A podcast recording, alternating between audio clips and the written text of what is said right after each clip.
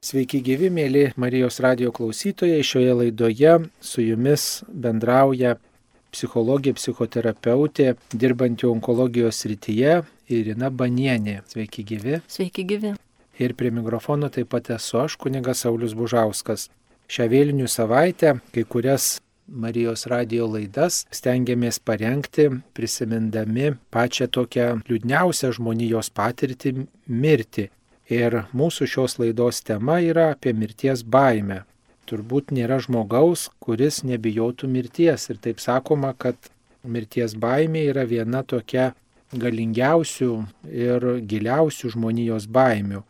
Ir kai mes tos baimės neįveikiame, tikrai gyvenam tokioj įtampoj. Ir tiesiog yra liūdna žmogui ir jis nori gal visiškai vengti tos temos, bet klaustume tada, kodėl žmonės bijo mirties, nors tai yra natūralus gyvenimo procesas, natūralus gyvenimo faktas, kuris laukia visų mūsų. Ačiū kunigė. Man irgi atrodo, kad tai yra tikrai natūralu ir aš pati, kada studentai užduoda panašius klausimus, o kaip yra ir kaip jūs galite dirbti toje srityje, Tai man irgi yra toksai, man pačiai atsakymas, kad tai yra tikrai natūralu visiškai ir aš tą priimu kaip natūralų dalyką.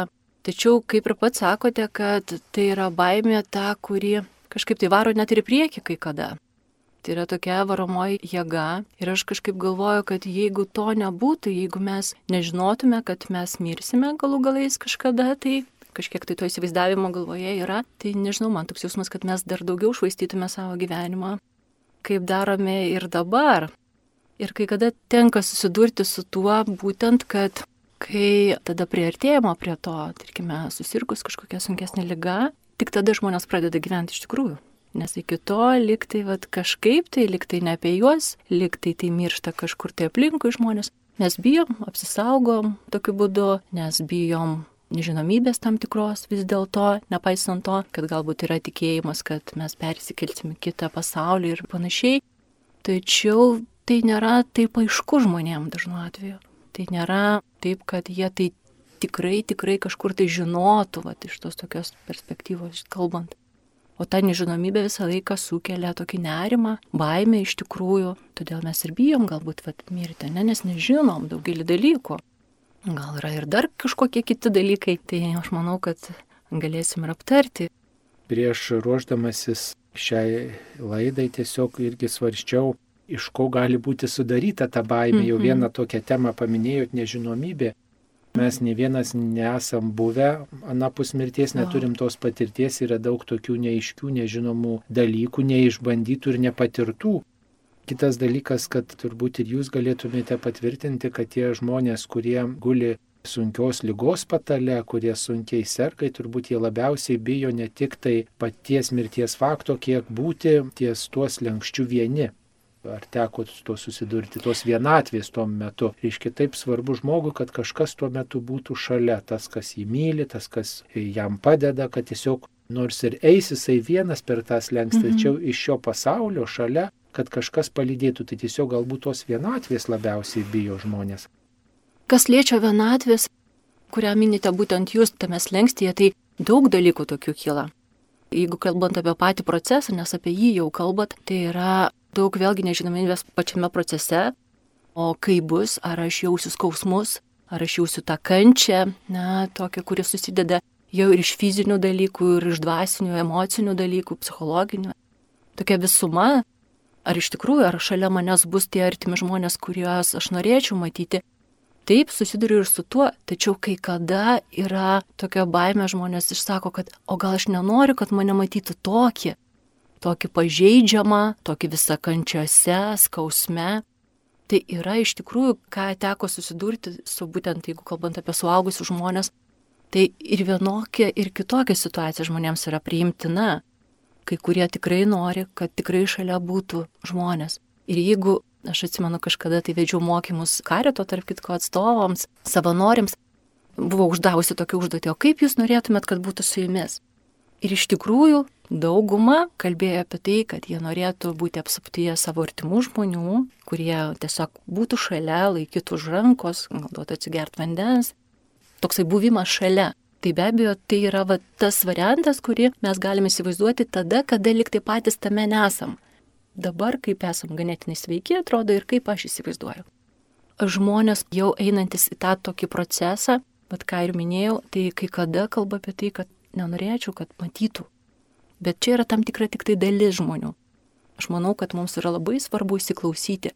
Ir kitas dalykas klausti, o ko vis dėlto, kodėl tu nenori? Dėl ko, kokios priežastys nenorėjimo? Ir kada mes išsiaiškinam tas priežastis, tai būna, kad aš blogai atrodysiu, kad aš negražiai atrodysiu, kad aš galbūt būsiu labai iškankintas ir gazdinsiu kitus. Ir tada va čia gali būti nauda ir psichologinės tos pagalbos, kad mes galime tikrai padėti žmogui galų galais pasiūlius kitam personalui sutvarkyti tą patį kūną, aprangą ir panašius dalykus.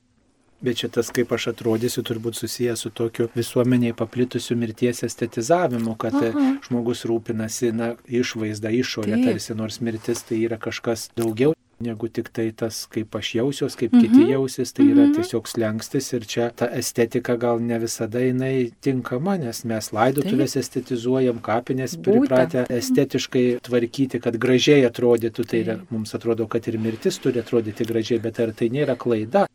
Nes mirtis tai visada susijusi su tuo kažkokiu skausmu, va, ir jūs minėjot, kad mm -hmm. labiausiai bijo žmonės, net ir tie tikinti žmonės, kurie meldžiasi, kurie visą gyvenimą meldžiasi, kurie galbūt prieimė ligonių sakramentą, jie bijo to fizinio skausmo ir galbūt dar kažkokio gilesnio skausmo, kančios, kuri tuo metu bus tiesiog toks, galima sakyti, pikas, pati didžiausia, mm -hmm. kaip žmonės kartais svarsto, kad tikriausiai gali būti taip, nes galbūt matė skausme mirštančius ar panašiai ir jie įtarė, kad galbūt ir tai jų laukia. -hmm. Gal tai yra ta mhm. baimės priežastis.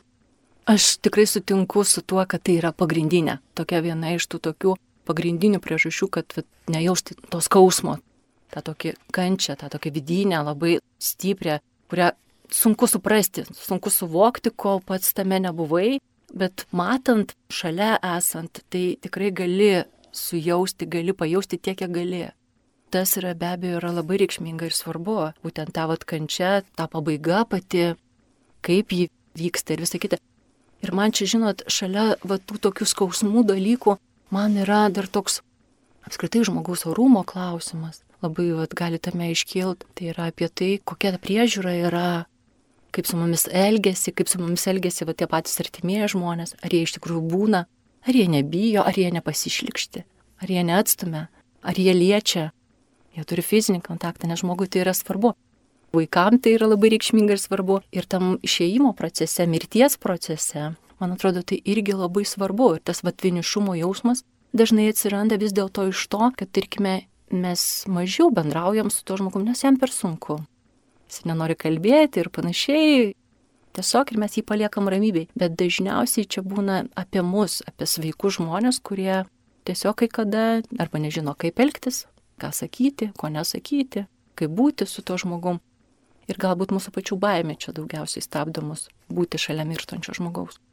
Gal būtų toks pakvietimas nebijoti tiesiog mm. ir patylėti, nebijoti ir palaikyti už rankos, nebūtinai kažką sakyti, bet tiesiog paimti už rankos ir jeigu žmogus net ir nesupranta, gal padėkoti jam, kad buvo šalia mūsų, kad esam kartu, kad tiek patyrėm gyvenime gražių dalykų, tiesiog kažką gerą pasakyti ir nebijot, kad gal kartais ir tam gedinčiam, liūdinčiam žmogui šalia to sunkiai sergančių ir liūdėsys ir ašara ateina.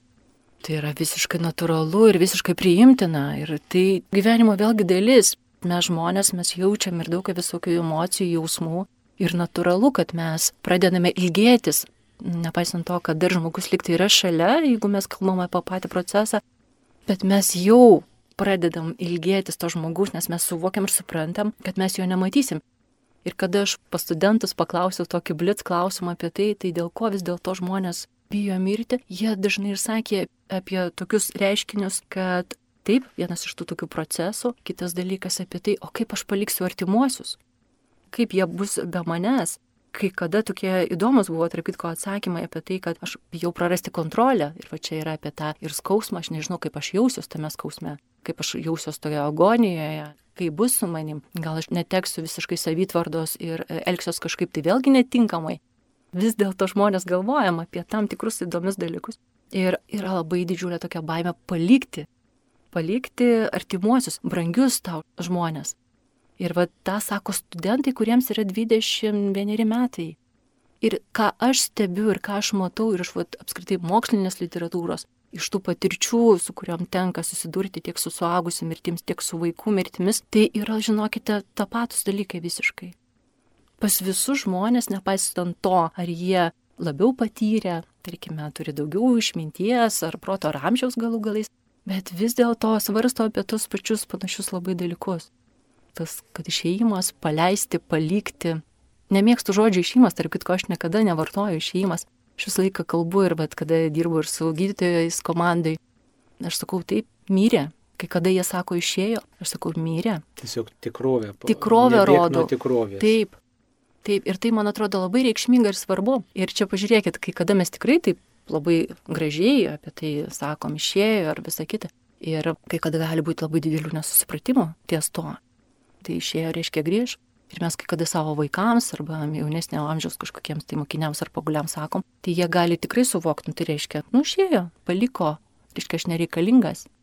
Ir nekalbam tikrais tai žodžiais, mes net čia bijom va, to žodžio.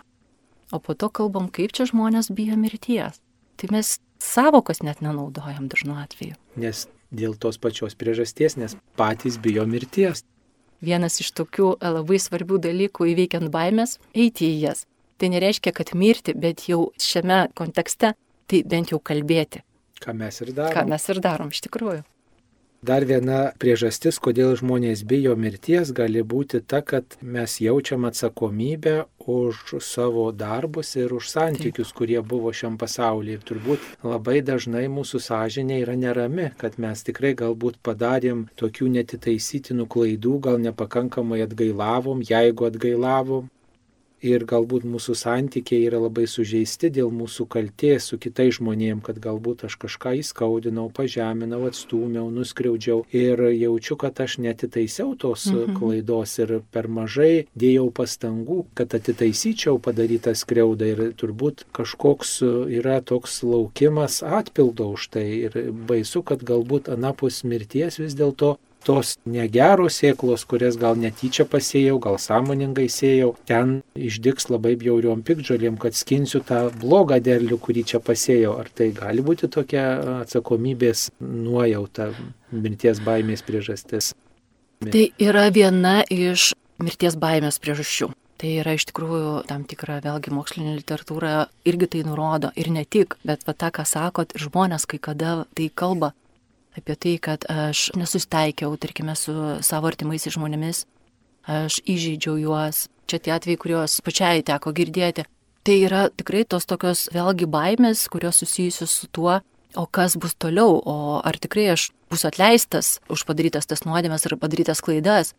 Žinot, tokiu atveju, kada kalbu su pacientais, su žmonėmis, kurie e, tiesiog miršta, aš irgi visą laiką tokį turiu parodymą jiems ir tokį Svarbiausia savo atleisti tiek, kiek gali. Man atrodo, tai labai reikšminga yra. Ar visą laiką galim? Greičiausiai ne. Ne, vis vien mes turėsime tą kažkokią tai naštą ar, ar kažkokį kalties galbūt jausmą, kas tikrai labai dažna ir būdinga.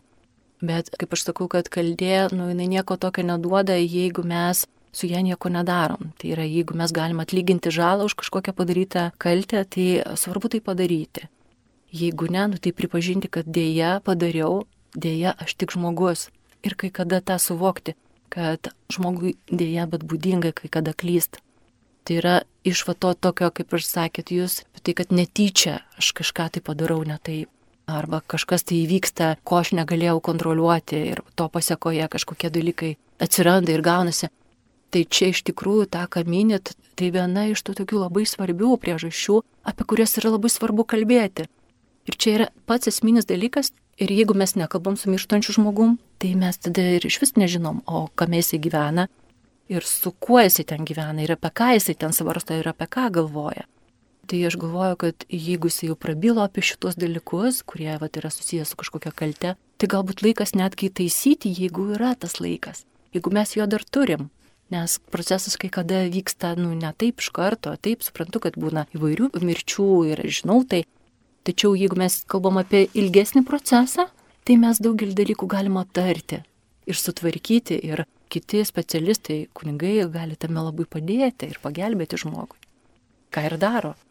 Turbūt tokia viena yra iš klaidų, didžiausių klaidų, kad su tokiu sunkiai sergančiu žmogumi nekalba žmonės apie mirtį, neklausia, nes kažką dar gali pagalvoti ir tiesiog artimieji bijo, kad tas klausimo iškelimas, mirties fakto minėjimas pablogins to žmogaus situaciją. Jeigu ten, pavyzdžiui, žmogus sunkiai serga jau ir garbingo amžiaus, tai nekviečia kunigo, kad suteiktų ligonių sakramentą, mhm. o tuo tarpu tas atėjęs kunigas ir gali išklausyti žmogaus išpažinties mhm. ir tokiu būdu tą kalčių naštą tikinčiam žmogui padėti pasidalinti su Dievu ir tiesiog padėti išspręsti jo tą situaciją, kokio jisai atsidūrė tai turbūt dėl tos pačios mirties baimės žmogus na, padaro tokią meškos paslaugą savo artimiesiems, nepakviečia kunigo tikinčiam žmogui, kuriam tai būtų tikrai dvasinių požiūrį didelė parama.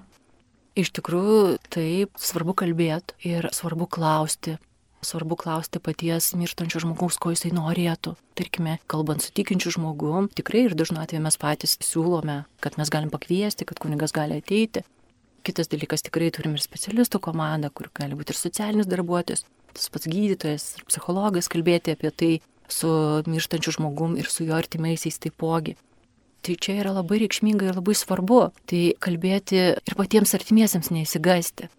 Nebijokit, todėl kad čia yra labai esminis toks dalykas, kas vyksta ir ką aš matau, kad mirštantis bijo kalbėti apie tai. Kodėl bijo? Todėl kad jisai bijo to žmogaus, to artimojo reakcijos. Aš labai gerai atsimenu save vaiką, kada mano mama pradėjo su manim kalbėti apie tai, kur ji norėtų būti palaidota. Ką aš dariau, aš bėgau nuo tos temos. Aš buvau vaikas, aš buvau nepasiruošus. Dabar aš galiu kalbėti apie tai drąsiai. Tai jau kitas galbūt amžius, nes tai yra vėlgi su raidos tokiais tarpsniais susiję. Galbūt žinių trūkumas. Bet ką mes darom, mes dažniausiai bėgam nuo to. Jeigu žmogus tik tai pradeda kalbėti apie mirtį, mes sakom, ne, ne, ne, baigtų nekalbėk, prisišauksi. Tai yra kažkokios tai tokios mistika, Prietarai, prietarai. Būtent, tikim labiau, labiau negu žmogum. Negu Dievu tikim, ir, negu, jo. negu, negu žmogaus galimybėmis keisti savo situaciją. Taip, ir kalbant, ir bendraujant, tai yra labai reikšminga ir labai svarbu. Jeigu jūs girdite kažkokias tai užuomenas, mirštantis žmogus retai gali pasakyti, kad žinokit, dabar vad kalbam apie mirtį. Jisai gali tokias užuomenas kažkokias tai tokias parodyti, liktai pasakyti, puselūpos, kad vad kada manęs nebus, jau yra apie tai. Tai čia yra laikas ir vieta pradėti kalbėti. Apie ką tu kalbė, ką tu turėjo menį, ne? kaip tu norėtum, kad būtų. Daug dalykų galima tikrai labai išsiaiškinti ir manau, kad būtų mažiau kažkokių tai rūpešių ir problemų po jau žmogaus netgi netekties. Čia tokia yra įdomi mokslininkų padaryta išvada, kad ir gyvūnai gyvena kaip ir žmonės nežinodami apie savo mirtį nei gyvūnas, nei žmogus nežino, kada mirs, nors ir gyvūnai reaguoja į savo gentainių mirtį ir taip pat bijo mirties, taip kaip ir žmogus. Tačiau jie patys nežino taip, kaip mes žinom, kad vieną dieną mirsim. Gyvūnai to nežino, nes jie paprasčiausiai neturi kuo to suvokti neturi kuo žinoti ir nesugeba analizuoti arba modeliuoti faktų, kaip bus, kaip mirsiu, net nesugeba tam procesui gal pasiruošti taip, kaip žmogus sugeba. Nors gal ten yra tokių liūdėjimų, kad štai katinas išeina ten ar šuo išeina į mišką ar kažkur. Drambliai, kiek žinau. Taip, bet tas tam momentui prieartėjus. Tačiau taip kaip žmogus gali, gyvūnas taip negali visą gyvenimą sąmoningai ruoštis mirties faktui savo mirčiai, nes žmogus turbūt gyvena tokiam ignoravime, kad štai visi aplinkui miršta, o aš galbūt kažkaip įsisuksiu nuo to. Mm. Bet yra toks kažkoks noras nustumti tą kitiem čia apie kitus mm. lygos ar net ir mirtis kitiem. Aš dar jaunas, aš dar mhm. stiprus, aš esu mhm. sveikas, miršta kiti.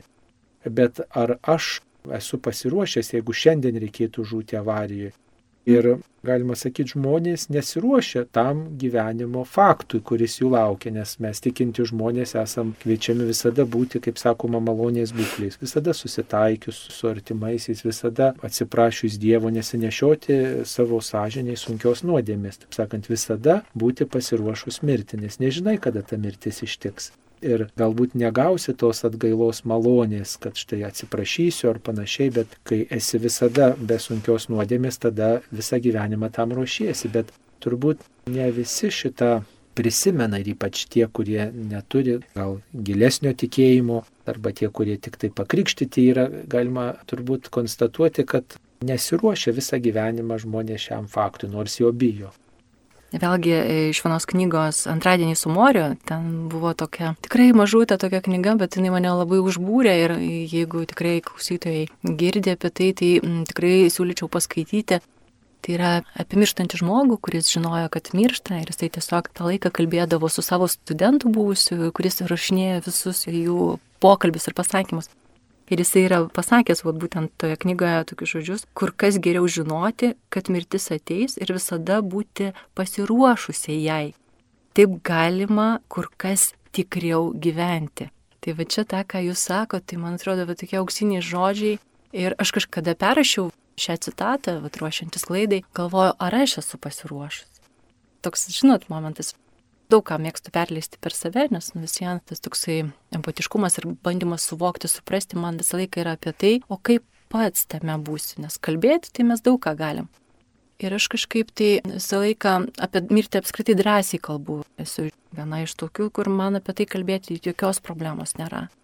Ir kažkaip tai man atsakymas visą laiką yra toksai, kad čia ar būsi pasiruošęs ar nebūsi pasiruošęs, jinai vis viena ateis ir tikrai gali bet kada bet tik tai, kad žinau, kad aš nenorėčiau, kad jie ateitų šiandien, va čia akimirką, arba labai greitai. Tai tas natūralus nenoras, nes vėlgi yra dėl ko gyventi atrodo, yra, kaip ir mes kalbam apie tai, ne tai, kad baime ar ne baime, bet yra daug tokių dar dalykų gražių, kurių norėčiau išbandyti, pamatyti, tiesiog būti šalia vat, savo artimųjų.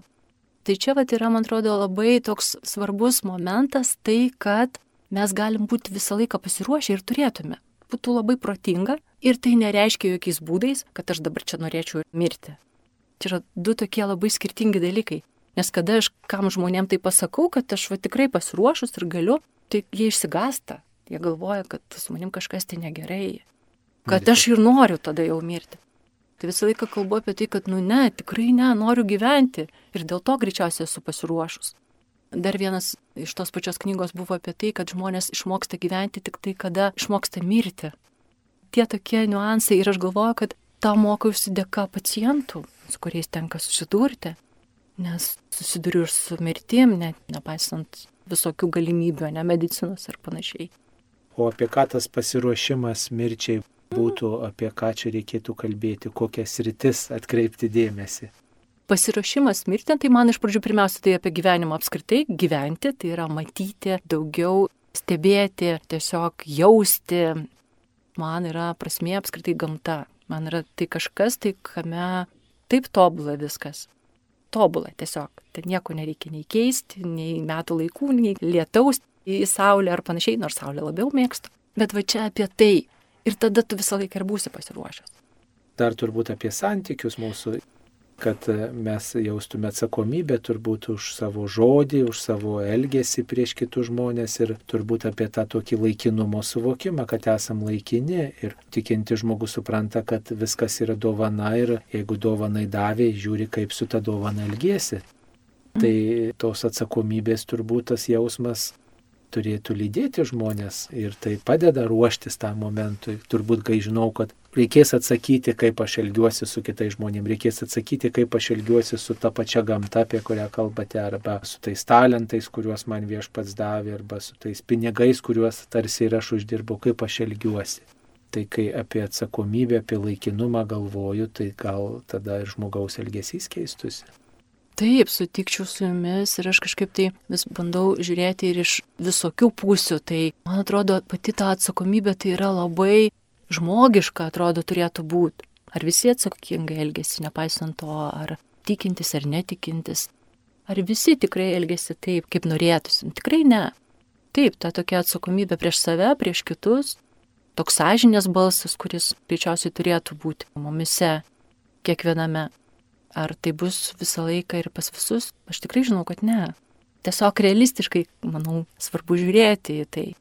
Bet e, jeigu jau mes bandom suvokti, bandom gyventi taip, kaip dėrėtų galbūt, ir tikrai, va, kaip sakote, naudoti tą dovaną, nes gyvenimas tikrai yra dovana, turėti tą tokį dėkingumą už tą dovaną prieš savo tėvus, artimuosius, prieš apskritai pasaulį, tai yra labai svarbu labai reikšminga ir manau, kad tai yra būtent apie gyvenimą, o mirtis man yra gyvenimo dalis. Aš jos negaliu atskirti kaip tokios. Tai ir yra daugiau apie gyvenimą. Kada aš matau kažkokį spektaklį, kur yra mirties faktas ir jisai labiausiai išryškintas, ar kažkokią knygą, tai daugiausia vis vien apie gyvenimą, ne, ne apie tik tai tą baigtinumą. O kaip ta mirties baime, mūsų santykis su mirtim atveikia, mm. kai mes žiūrim tuos filmus ar spektaklius, kuriuose žūsta žmonės, kuriuose daug tos mirties, tos grėsmės, kur daug tokio niurumo, kai girdim tokio nerima keliančią informaciją, kad štai žmonės žuvo, žmonės mirė, žmonės sunkiai serga. Vien mūsų krašte toliau nuo mūsų, kai štai lygos siautėja, pandemijos kaip mūsų santykiai su mirtim tai keičia? Ar didina mirties baimę, ar kaip? Aš sakyčiau, kad vis dėlto didina. Ne atvirkščiai. Ir čia nekalbu tikrai apie tai, kad apie tai nereikia kalbėti ir tai tiesiog padaryti temą tabų, nes mes suprantam ir aš prieš tai kalbėjau, kad reikia kalbėti, tiesiog, kad yra mirtis, žodį naudoti. Ir čia, jeigu mes apskritai tai ignoruosim, tai irgi nėra teisingas dalykas. Bet aš manau, kad yra labai svarbus pateikimo forma, pasakymas, paaiškinimas, ką galima daryti, tarkime, va, šios situacijos pandemijos metu. Taip sukyla tam tikras nerimas žmonėms ir natūralu, tai yra visiškai suprantama. Tai yra natūralus nerimas, kuris kyla toje situacijoje. Ir tai tiesiog gali paskatinti ir tolimesnės įvairiausias baimės be abejo. Ir apie tą savo laikinumą, apie tai, o gal čia ir su manim įvyks ir panašiai. Ypač šiuo metu matosi vyresnio amžiaus žmonės, jie pradeda pergyventi iš tikrųjų tie, kurie turi įvairias somatinės lygas, tarkime, šalia to tiesiog pasakymai yra, jeigu aš dar susirksiu jau COVID, tai tikrai mirsiu. Mesgi nežinom, ar taip tikrai bus. Tai akcentas į tai, o ką gali daryti, kad būtum kiek ilgiau sveikas, kiek galėtum būti. Tai čia tokia ir tema ir sveikatos šalia to, bet yra ir taip, tikiu, kad vis vien tas nerimas kyla, o nerimas susijęs ir su tuo, kaip vyks su manim. Ir tada vėlgi, ar aš pasiruošęs dabar mirti. Mėly Marijos radio klausytojai, šioje laidoje apie mirties baimę kalbame su psichologė, psichoterapeutė, onkologijos rytyje besidarbuojančia Irina Banienė. Ja kalbino aš kunigas Saulis Bužauskas. Kalbame apie tai, kas tą baimę skatina, bet taip pat gal reikėtų kalbėti ir apie tai, kas mūsų mirties baimė įveikia. Sakoma, kad kai žmogus ieško pozityvios informacijos, kai ne e, televizijoje vien tik tai kriminalinės istorijas, vien tik siaubo filmus, vien tik tai liūdna žinias, bet ir atkreipia dėmesį į tai, kas gera vyksta ir stengiasi pastebėti gražius dalykus aplink save, tai tuomet jisai labiau džiaugiasi gyvenimu. Ar tai tiesa? Tai be abejo, aš tikrai sutikčiau su jumis, todėl kad kaip ir kalbėjau apie tą pačią gamtą, kiek jinai yra reikšminga ir svarbi gali būti žmogui. Ir kiti įvairius dalykai, kurie žmogų džiugina, nuteikia maloniai. Žmogus gali pamatyti tą platesnį pasaulį, o ne tik neigiamus dalykus, nes tikrai tą, ką sakot apie kažkokius tai žiaurius vaizdus, tai mes tikrai galim suvokti, kad jie vienaip ar kitaip veikia psichiką mūsų. Tai ir tiek susiję ir su mirties baime, O iš kitos pusės, jeigu kalbant apie laidas įvairias, kuomet vaikai gali galvoti, kad jie nemirtingi, čia yra dar kita pusė būtent to tokio interaktyvaus, tarkime, kažkokio tai žaidimo įsitraukiančio, kur vaikai tikrai gali įsitraukti ir jie ten turi įvairių ir daug labai gyvybių. Aš žuvau vieną kartą, nieko tokio, žūsiu dar kartą, dar, dar vieną turiu gyvybę ar dar kažkiek. Tai tada toksai nuvertinimas apskritai gyvenimo įvyksta. O tą, ką kalbate apie tai, kad matyti plačiau, taip. Kada mano klientai žino apie tai, kad aš jiems užduodu užduotis. Vieni iš namų tokių darbų labai dažnai būna pagalvoti apie dieną, kurią praleidau ir padėkoti už tam tikrus dalykus, mažiausiai už tris dalykus per dieną, už ką jie yra dėkingi. Ir tai yra vėl apie tai, kad nepaisant to, kokį sunkumą tu išgyveni kaip žmogus, kokius iššūkius turi, su kokiom problemom tiek sveikatos, tiek įvairiom kitom susiduri, vis vien šalia to yra kažkas gero. Mes žmonės pradedam nematyti. Atsiranda toks tunelinis matymas, toks siauras labai tunelinis matymas ir man atrodo, šalia esantiems žmonėms yra labai svarbu padėti praplėsti tą lauką. Kad tikrai, vad, pamatyk, palauk, o kaip buvo? Ar tikrai visą laiką tik tai buvo blogai? Ir tada vat, su to užduotim, kad už ką tu esi dėkingas, kas buvo gero, ką tu gero šiandien pastebėjai. Tai galima tikrai rasti tokių labai labai gerų išvalgų ir momentų. kai kada patys pacientai papasakojo tokių labai įspūdingų, labai gerai atsimenu vieną pacientę, kurie gydėsi tam tikroje įstaigoje ir tenais už lango buvo eglė, jis sako, aš pamačiau, kokia graži varna yra, nes iki tol aš į ją tiesiog netkreipdavau dėmesio. Ir vad man čia yra apie gyvenimą, čia apie tą tokį tikrą, tikrą matymą to viso pasaulio. Čia yra labai svarbu. Dar kai kurie silovadininkai ir psichologai primena, kad ta įkyri tokia mirties baimė, tas liudesys arba tas mhm. toks negatyvus požiūris, atmetimo požiūris į mirties faktą gali būti kažkaip nukenksmintas ir ta baimė kažkaip sušvelninta, kai žmogus renkasi tokį humoro jausmą, kai ugdo humorą, kai truputį pasišaipo iš savęs, iš situacijos arba domisi, na tas smalsumas irgi padeda truputėlį prisijaukinti šitą baimę ir taip pat, kai jisai taip sveikai ugdo savo pomėgius ir stengiasi turbūt į tuos santykius su kitais žmonėmis žiūrėti kaip į tam tikrą tokią laikiną tikrovę, kad štai tas žmogus duotas laikinai, bet jis yra didžiulė vertybė, yra Dievo dovana ir kad ta akimirka nepasikartos daugiau niekuomet. Tas toksai unikalumo momentas, Tai turbūt va tokie mm. irgi skirtingi dalykai, kurie padeda žiūrėti į gyvenimą net kaip į savaime kažkokią einančią tokią srovę, kuri va štai teka, bet kartu kaip į tą tokią didelę malonę. Kalbant apie tokias unikales, ne tai kad galimybės, bet išvelgti visame kame unikalumą. Tai iš tikrųjų tai yra apie tai, kad būti čia ir dabar mes kaip psichologai tai dažnai būtent tą tokią savoką naudojam, kada ne kažkur tai nukrypstam, ne kažkur tai bėgam su savo mintim, nes bet baimė yra apie ką? Baimė yra apie ateitį. Nes dabar aš čia esu. Tai yra esminis dalykas būti čia ir būti su tuo žmogum, su kuriuo dabar esi. Nes vat, mums kalbant dabar, aš jeigu dabar pradėčiau galvoti apie namus, tai ką aš žinau, kiek aš sklandžiai galėčiau kalbėti ir tai galiu savo priekaištus įvairiausius turėti kalboje, Tačiau vis vien tai yra svarbiausia akimirka ir aš galvoju, kad ji tikrai nebepasikartos. Jeigu bus kažkokia kita, tai bus panaši, bet ne tokia pat. Mes kitokie jau būsime. Ir mes kitokie būsime, mes kitokią patirtį turėsim. Nes kiekvieną kartą su kažkokiu santykiu ar su diena mes tampam visą laiką kitokie, vis kitokie. Nuolat kažkaip tai mokomės, galbūt tą savoką mokomės, bet iš esmės tai taip, man atrodo, tai yra apie tai, kad nuolat tobulėjam, aš taip viliuosi, kad taip yra. Nuolat kažko tai išmokstam, išmokstam vieni iš kitų, iš to paties bendravimo. O tas humoras tai yra, humoras pats, kai kada tai yra gynyba, jinai gali būti tam tikra. Ir aš visą laiką kalbu apie tai, kad reikia leisti žmogui pasiginti kurį laiką. Nes jam taip yra lengviau suvokti, suprasti, priartėti, nes gynyba duoda laiko. Šiek tiek laiko vat, prieiti prie to, kas jo laukia ir kad iš karto nebūtų daug tokių emocijų, kurios suteiktų daug liūdėsio, tokio pasimetimo, nežinojimo. Tai ganėtinai gerai įveikia būna pradžioje. Žiūrėti reikia stebėti po to, ar tai tikrai nebūna tik vien humoras nenaudojamas ir kiek ten to suvokimo. Bet iš esmės tai pradžia tai tikrai būna visai gera.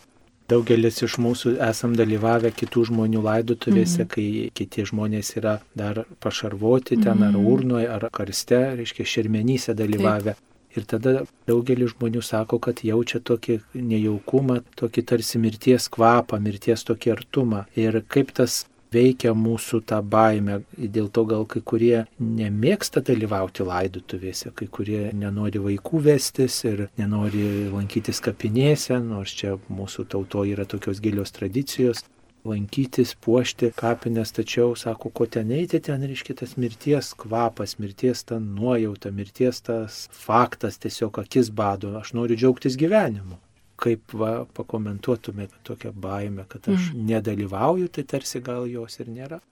Bet čia apie tai ir yra, kad būtent jeigu aš to nematau, reiškia to nėra. Jeigu aš nelankau savo, tarkime, artimo mirštančio, reiškia jisai nemiršta. Jeigu aš neužeinu į palatą, nu, reiškia ten viskas tvarkoj. Arba kada nedalyvauju laidotuvėse, irgi tai nėra. Todėl, kad tas buvimas šalia priartina, labiau parodo tą tokį griną faktą, kad taip, tai buvo žmogus, mes matėme jį gyvą ir šiuo metu aš matau jį mirusi. Tai yra tas faktas ir tai apie mane. Todėl, kad aš irgi žmogus, tai reiškia, aš irgi mirsiu.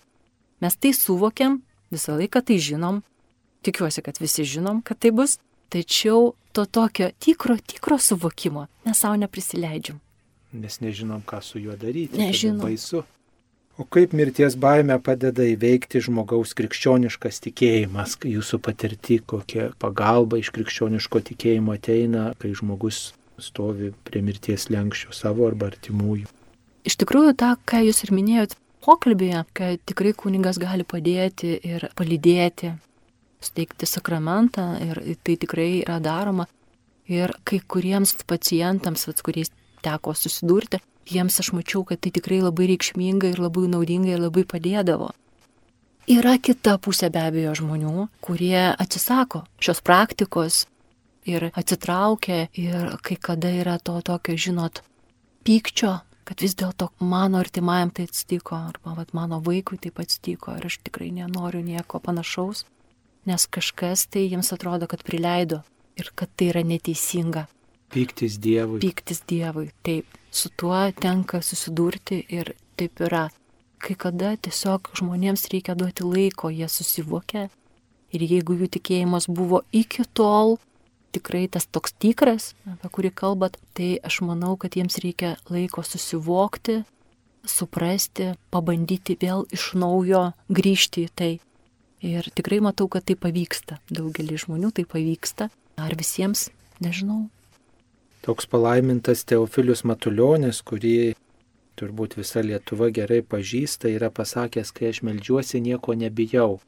Galbūt maldos laikysena yra tinkamiausias atsakas į bet kokią baimę, tuo pačiu ir į mirties baimę. Melstis taip, kaip moku, arba išreikšti mhm. tą pyktį Dievui taip, kaip moku, tiesiog nekonservuoti savo širdį, taip ir pasakyti, Dieve, aš pykstu, Dieve, jeigu tu esi, aš mhm. tikrai pykstu, kad taip atsitiko ir man skaudu, bet, nu, at, išreikšti tą pyktį tokiu būdu. Kodėl aš apie tai žinau, kad jie pyksta? Todėl, kad mes apie tai kalbam. Iš tos praktikos tas ir girdisi. Tikrai taip, girdžiu, tikiu, nu, va, tą, ką sako. Tikiu, kad yra toks liktai neteisingumo, va, tas jausmas, kurį patirėt. Tačiau po kiek laiko pažiūrėsim. Svarbiausia tuo metu vis vien išbūti su tuo skausmu. Ir kaip jūs sakot, kad išreikšti, tai va, tikrai tokie būdai yra labai svarbus išsakyti. Prisiminiau čia kolegės, aš tuo metu nedalyvavau tame pačiame procese, bet buvo apie tai, kad pačiame mirimo procese visas kolektyvas, kiek ten galėjo būti keletą žmonių iš komandos, jie tiesiog meldėsi tuo metu, kada vyko tas mirimo procesas ir po to. Tai tikrai tai yra praktikuojama, ypač su tai žmonėmis, kurie tikrai to nori tikrai nelaikas kažkokios tai apskritai nereikia prievartos, man atrodo, tokiais atvejais, bet galima kviesti žmonės ir daryti tai, kas jiems tinkamiausia, todėl kad jie tuo metu yra svarbiausi. Ne tai, kad mes, kurie gal šalia, šone ir netie tokie reikšmingi, bet tas pats mirštantis žmogus ir jo patys artimiausi žmonės tuo metu yra patys svarbiausi. Labai svarbu ir juos atsižvelgti. Na, mūsų klausytojai turbūt daugiausiai yra tikinti žmonės, nes per Marijos radiją daugiausiai skelbiama tikėjimo tai. žinia, tai turbūt kiekvienam patartume atsidūrus arti mirties tikrai šauktis Dievo, tokiu būdu mes įprasminam šitą patirtį, nes pats Dievas perėjo mirties vartus, pats Dievas perėjo mirtį, Jėzus Kristus. Dievas ir žmogus, kuris įprasmina kiekvieno mūsų kančią ir bet kokią mirties patirtį ir Tokiu atveju nesam visiškai vieni, net ir kaip mums tuo metu būtų baisu ar liūdna.